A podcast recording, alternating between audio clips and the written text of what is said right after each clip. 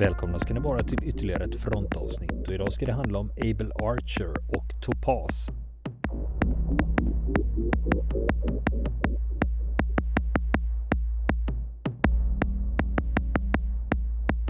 Ja då Niklas, eh, då var det dags för tredje delen av Able Archer.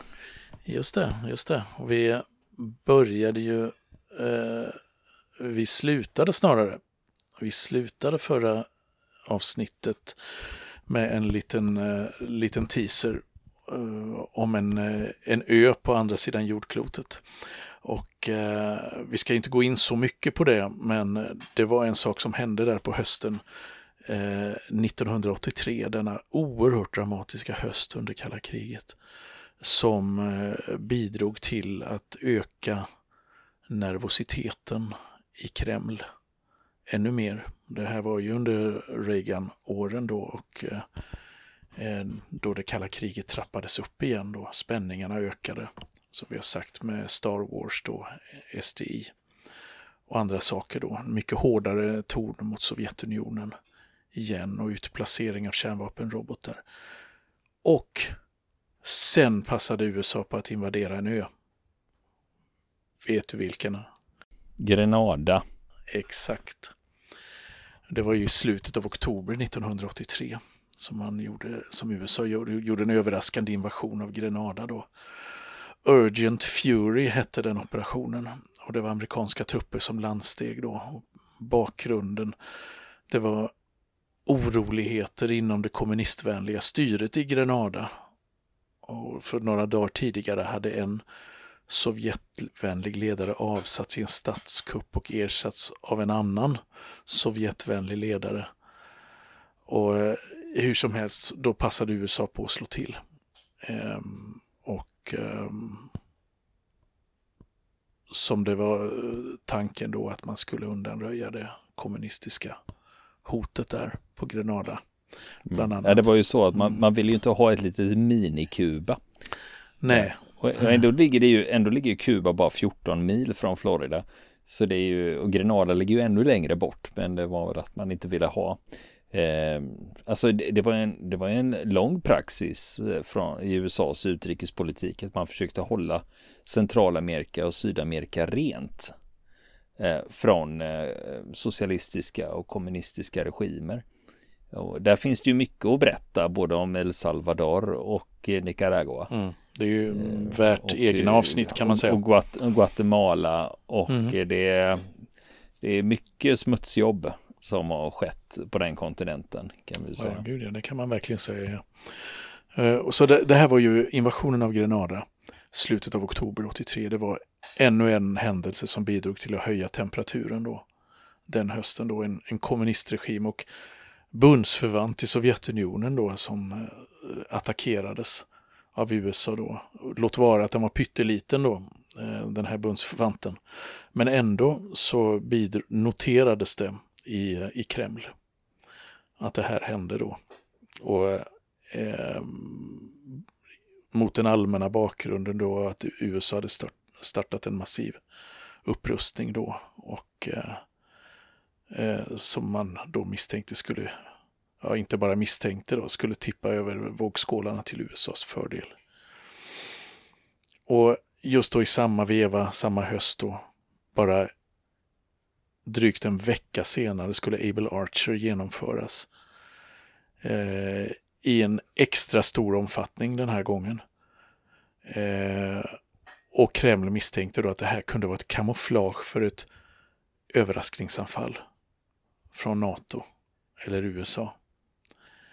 Eh, för eh, Sovjetunionen och Warszawapakten. De hade ju liknande planer på att om man någon gång om man skulle behöva anfalla väst så kan det ju vara ett bra kamouflage att göra det under täckmanteln av, ett, eh, av en stor manöver.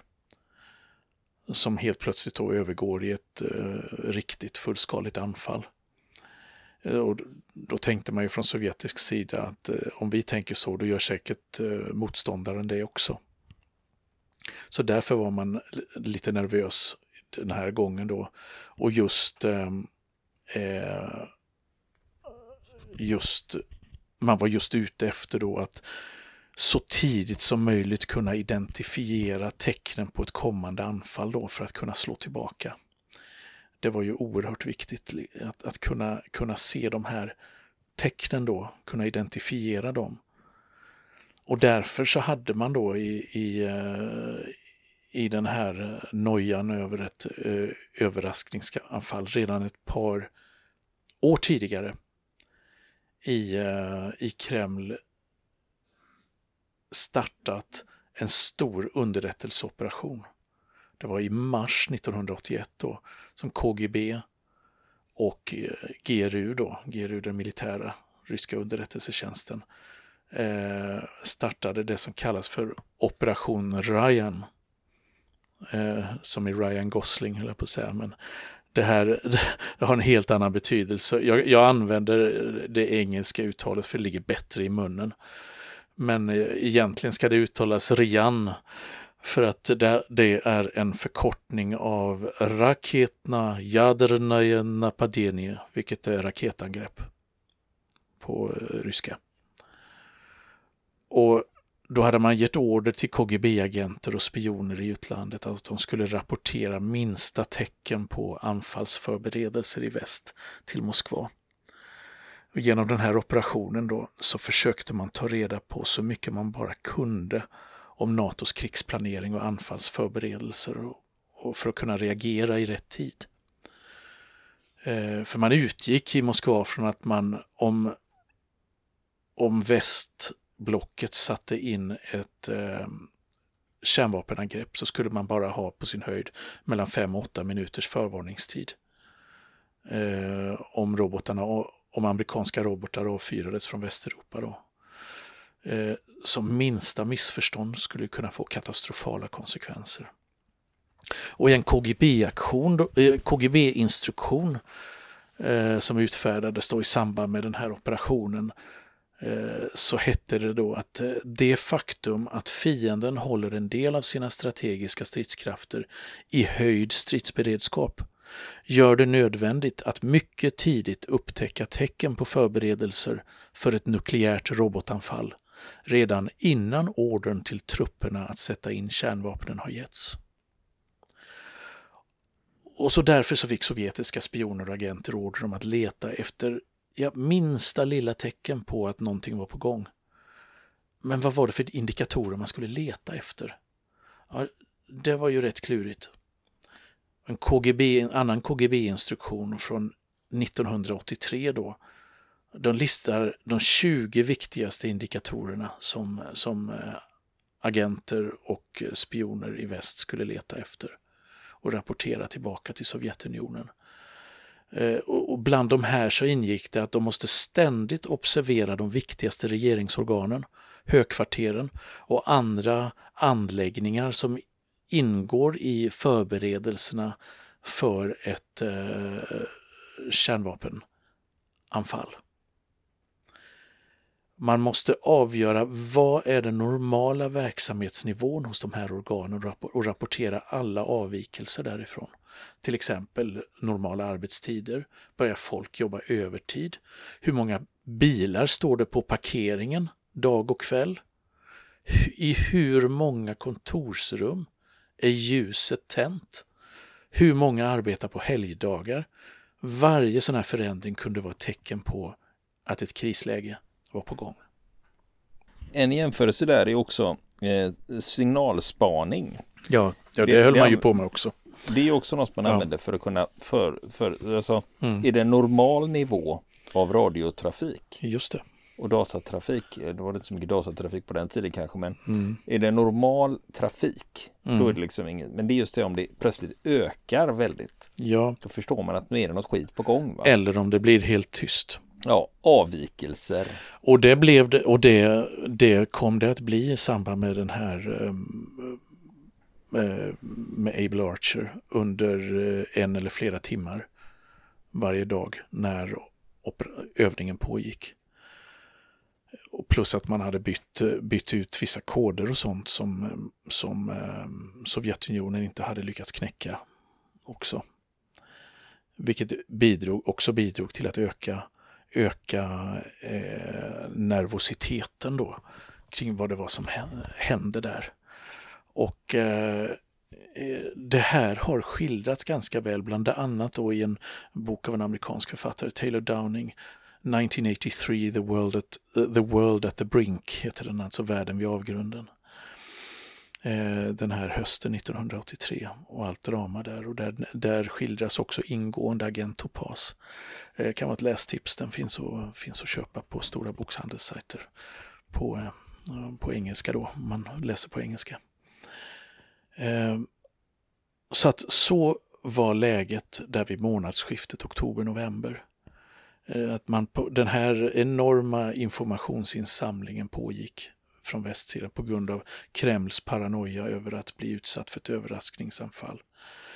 Eh, det här, de här underrättelseorganen de översvämmades ju av rapporter. Analytikerna översvämmades av rapporter om hur många rum som var, var tänt, där ljuset var tänt i, i det brittiska krigsdepartementet och så vidare och så vidare.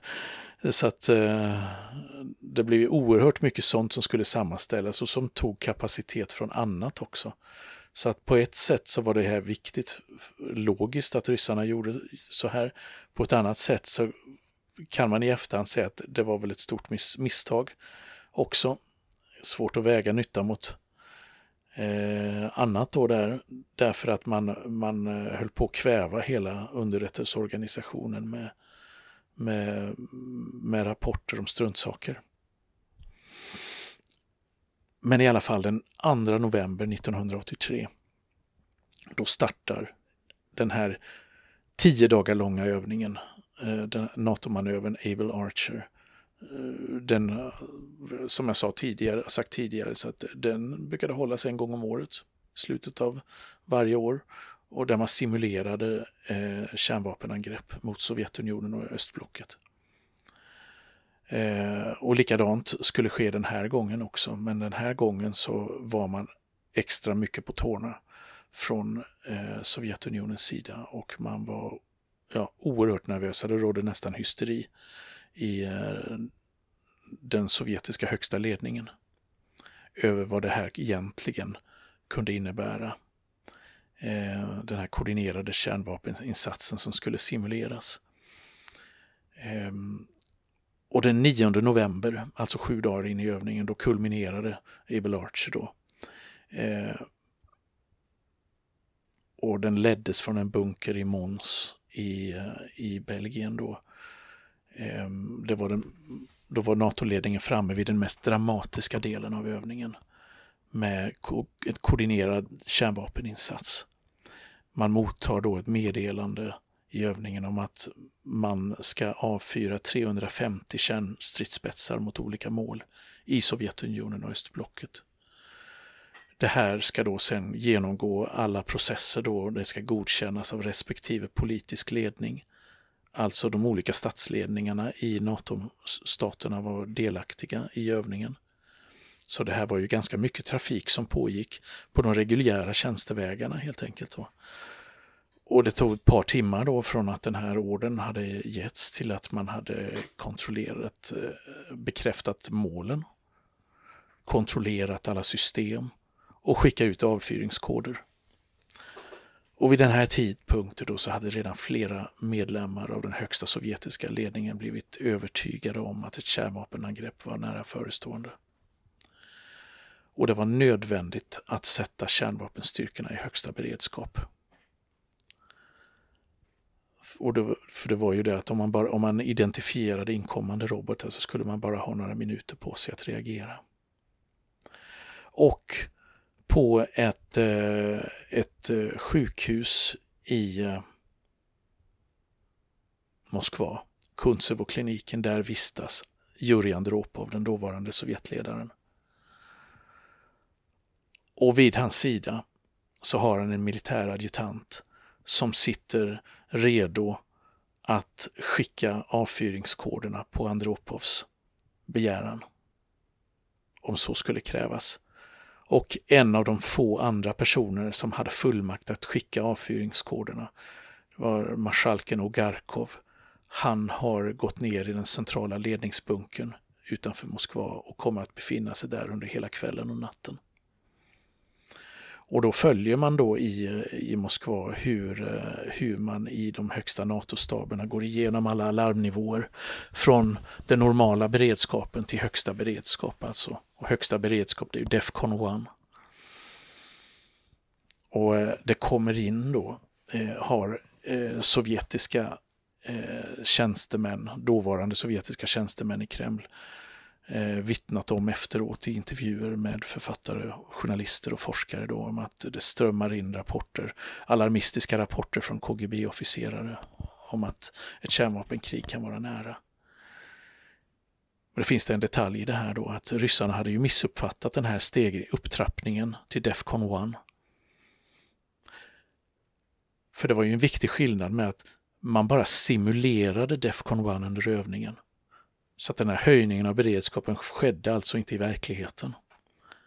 Vilket man var, eh, eh, hade eh, uppfattat det som då i, i Kreml. Och från agenter så kommer det in rapporter om ökad aktivitet på USAs militärbaser. Och så infaller radiotystnad på många NATO-baser klockan, mellan klockan 18 och 19. Och det här då tillsammans med användningen av en ny kod som GRU inte har knäckt och inte KGB heller. Det gör att man i Kreml blir övertygad om att Abel Archer den här gången var något helt annat än de tidigare krigsspelen som NATO hade hållit. Det här kunde ju vara ett anfall under kamouflage av en militärövning. Så den här dagen så skickar KGB och GRU ut iltelegram till sina residenturer, alltså sina lokalkontor eh, runt om i världen och informerar agenter om att det här var en kritisk situation och att NATO-övningen sannolikt var då en förberedelse för ett kärnvapenangrepp. Och man skickar ut instruktioner om att de här agenterna och spionerna återigen måste kolla alla tecken på militär aktivitet och däribland då nyckelindikatorerna från Operation Ryan. Eh, och snabbt, så snabbt som möjligt rapportera tillbaka vad, man, vad, vad det är man ser. Och en man som på den tiden var chef för residenturen i London. Han hette Oleg Gordievski. Han blev ju sen en av de mest berömda avhopparna från den sovjetiska underrättelsetjänsten till väst. Och han har efteråt berättat att han fick det här iltelegrammet och ansåg att paniken där borta i Moskva var helt absurd. För han, eh, man tittade ut genom fönstret såg han att livet pågick som vanligt runt omkring honom. Det fanns inga tecken på någon förestående anfall. Och eh, Eh, han frågade sig efteråt att hur kan vi ens ta ett sånt här uppdrag på allvar? Ehm, och förutom de här iltelegrammen då som utgick från Moskva till residenturerna så hade man ju larmat också sina bundsförvanter. Ehm, så att eh, trupper sätts i beredskap runt om i Warszawapakten. Och även kollegorna på det östtyska utrikesspionaget är larmade.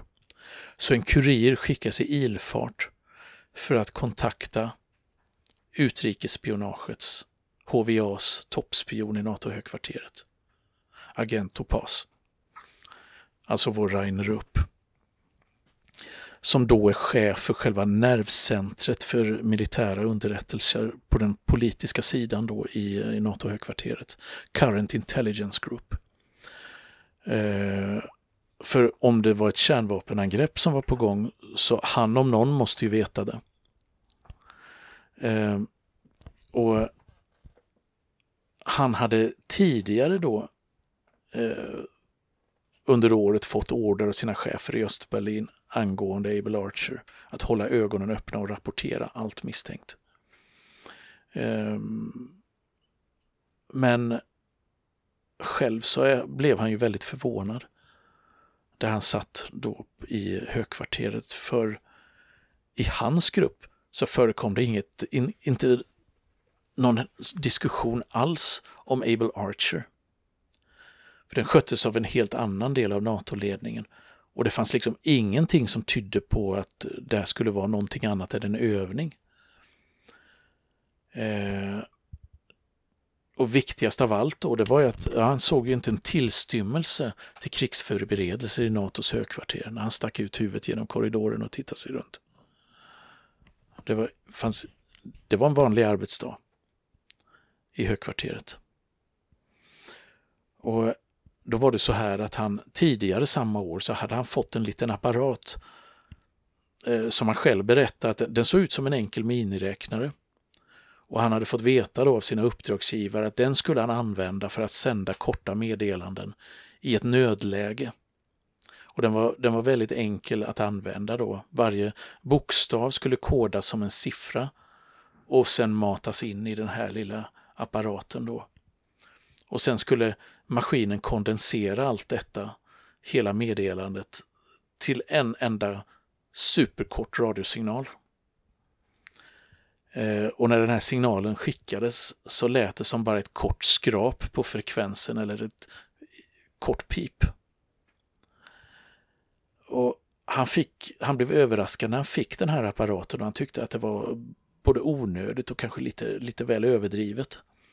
Då, men under sommaren 83 så hade han sedan haft sitt årliga möte med sin kontaktperson från underrättelsetjänsten som reste runt i skepnad av en professor från Östtyskland. Och då hade han fått veta att eh, eh, hur man såg på att spänningarna ökade mellan eh, öst och väst och att man var väldigt ängslig i Moskva över vad, vad eh, NATO och USA skulle kunna ta till sig, eh, ta sig för. Och den här apparaten då, den här sändarapparaten, den, den förvarade han hemma.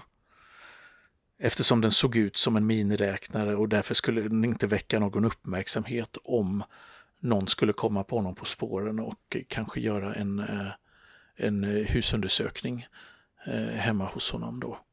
För den var ju till för nödfall så att säga. Så när kuriren kontaktade honom den 9 november det framgår inte exakt hur det gick till den, när den här kontakten togs. Det har han aldrig, Rupp aldrig vad jag vet berättat i detalj. Eh, så blev han i alla fall förbryllad över orden han fick från sina uppdragsgivare då. För som jag sa, det, det såg ut som vilken dag som helst i NATO-högkvarteret. Det fanns ingenting som, som visade att eh, NATO förberedde sig för ett krig. Så han kodade in det här. Han åkte hem, kodade in det här och skickade med apparaten. Och Det gick till så att han efter, efter jobbet då tog han bilen då, tog med sig apparaten och så tog han en biltur ut ur Bryssel. Efter några kilometer, några kilometer utanför stan så stannade han vid en telefonkiosk. Och enligt instruktionerna så ringde han upp ett visst nummer som han hade fått. Sa några eh, betydelselösa ord som hej, hur, hur mår ni? och lite annat kallprat. Så här betydelselöst. Samtidigt då som han satte den här apparaten framför telefonluren och, eh, och tryckte på uppspelning. Och det här korta pipet skickades. Och i den andra änden då i Östberlin så mottogs det, avkodades genast och vidarebefordrades så fort som möjligt till Moskva. Från, eh, från HVAs högkvarter. Ehm. så frågan är ju då att vad fick det här meddelandet för effekt? Ja, det kan vi ju inte veta. Som mycket annat i spionvärlden så hamnar man ofta när man ska skriva om det i spekulationer. Man kan utgå ifrån att det för vissa säkert var lugnande. För andra som läste det så var det uppfattades det kanske bara som ett enda meddelande från en enda agent bland väldigt många agenter. Och en enda källa är inte alltid så trovärdig. Utan man behöver flera källor som säger samma sak. Eh, sen finns det ju också de misstankarna som alltid kan finnas närvarande i den här världen, världen. Att kan man lita på honom? Kan man lita på Topaz? Han kanske har blivit dubbelagent. Arbetar för NATO istället, eller för amerikanerna. Eh, kanske var det Maskirovka, alltså det, eh, vilseledning som ryssarna själva var experter på. Ehm, och även om det var, faktiskt var lugnt i NATO-högkvarteret, om rapporten stämde, så behövde det automatiskt inte innebära att Washington inte förberedde krig på egen hand. För det hade man ju gjort i Grenada bara några veckor tidigare. Så det rådde en väldig paranoia och nervositet. Och oavsett, kan man nog ändå säga då, att oavsett hur det låg till så spelade Agent Topaz förmodligen en roll den dagen i att rädda världen från ett kärnvapenkrig. Själv så ansåg han ju att oron där borta i Moskva var helt ogrundad. Eh, som jag sa då, eh, med risk för att upprepa mig lite, för han hade ju deltagit i de här planspelen då, alltså teoretiska krigsövningar och kunde inte upptäcka några för förberedelser.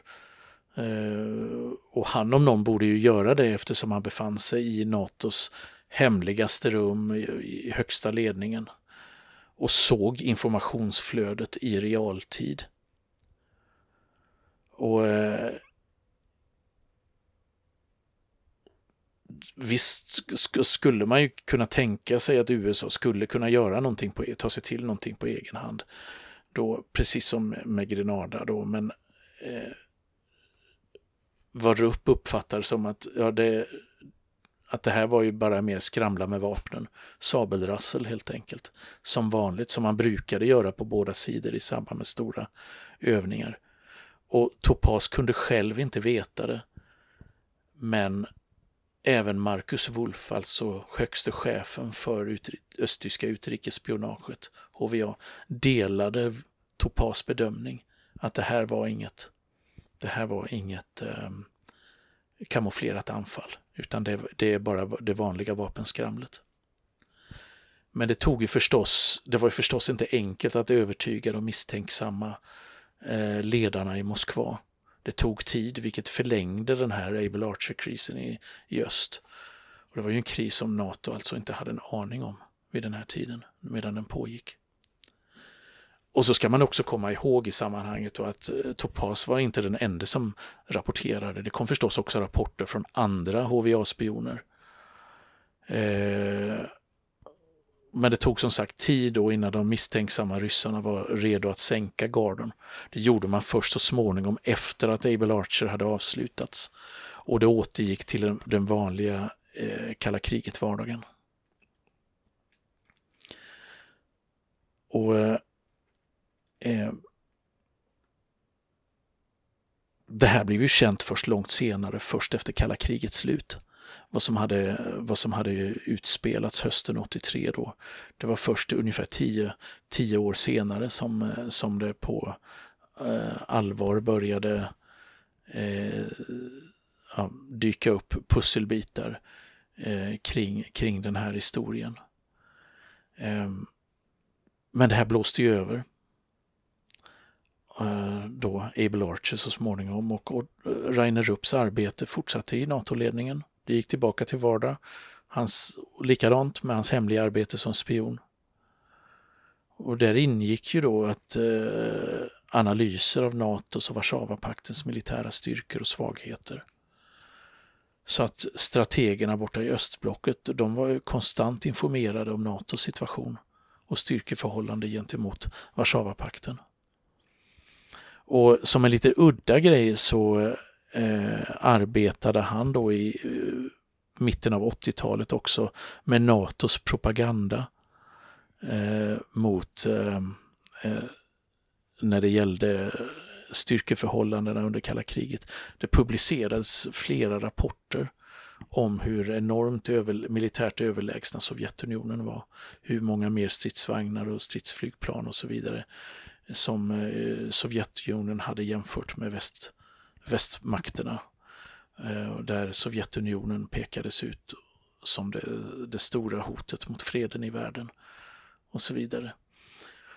Och eh, han var inblandad i det här då och eh, överdrevs östblockets styrka i, i de här rapporterna.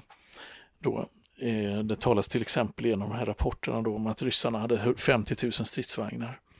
Eh, men då, då hade man ju räknat in då kanske mer än 10 000 sönderrostade stridsvagnar från andra världskriget och även traktorer som var byggda på stridsvagnschassin och så vidare. Räknades som stridsvagnar i det här då. Han blev ju någon slags dubbelagent på propagandaområdet där kan man säga. När han både, ja, när han både skrämde av, eh, skrämde upp sitt, eh, eh, skrämde upp folk i väst och när det gällde Sovjetunionens styrka. Samtidigt som han skötte sitt arbete åt NATO. Vi kommer fortsätta storyn, för den är inte riktigt slut än, om Agent Opas och vad som hände när muren föll. Och vi kommer också beröra hans hustru Ann-Kristin lite grann som blev också var spion för Östtyskland. Hon var agent turkos, kallades hon, för hon var också värdefull för, för eh, östtyskarna. Eh, och det tog lång tid. Det tog lång tid efter att muren hade fallit och Östtyskland hade upphört existera innan Rainer Rupps identitet avslöjades och han blev gripen. Men hur det gick till det återkommer vi till nästa vecka. Och nu har vi en uppdatering eh, om den skjutolyckan i Norge i november 2021 som vi har berättat om tidigare. Det var ju en svensk soldat som var på övning i Norge och under den här övningen så hade han inte med sig någon lösskjutningsanordning till sin automatkarbin och därför skulle han gå torrt.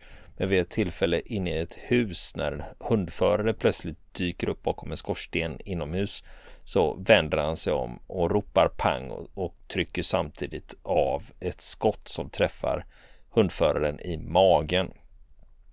Vi har gjort avsnitt om det här så ni kan lyssna på hela händelseförloppet. Men det som har hänt nu eh, i oktober 2023 så kom domen vid Örebro tingsrätt och där frias den svenska soldaten. Han stod åtalad för grovt vållande till kroppsskada. Men tingsrätten frikänner honom från ansvar när det gäller det. Eh, det som också inträffar här i den här domen det är att Eh, eh, den norska hundföraren hade också ställt ett skadeståndskrav. Eh, det ogillas också. Men eh, det som är lite tråkigt i hela den här historien utöver det som har hänt är att hon hade ju tänkt sig att eh, fortsätta i norska försvaret men på grund av sina skador så har hon då inte klarat, även om det är, hon är hyfsat återställd, så har hon inte klarat av hälsokontrollerna för att kunna fortsätta i norska försvaret. Så det är väldigt, väldigt tragiskt när det har inträffat. Hon har dock fått ersättning från eh, norska försvaret. Eh, de har ju liksom, liksom vi i Sverige har ju också när du skadas i arbetslivet så kan du vara berättigad till ersättningar. Så den typen av ersättningar har de fått ut. Vi kommer också hålla ett öga på om det här överklagas till hovrätten så ska vi se om hovrätten gör en annan bedömning. Vill ni komma i kontakt med oss så kan ni göra det via vår Facebook-sida som heter Fronten. Det är inga problem för er att leta er fram där. Eller också så mejlar ni på vår mejladress och det är frontenpodcastgmail.com.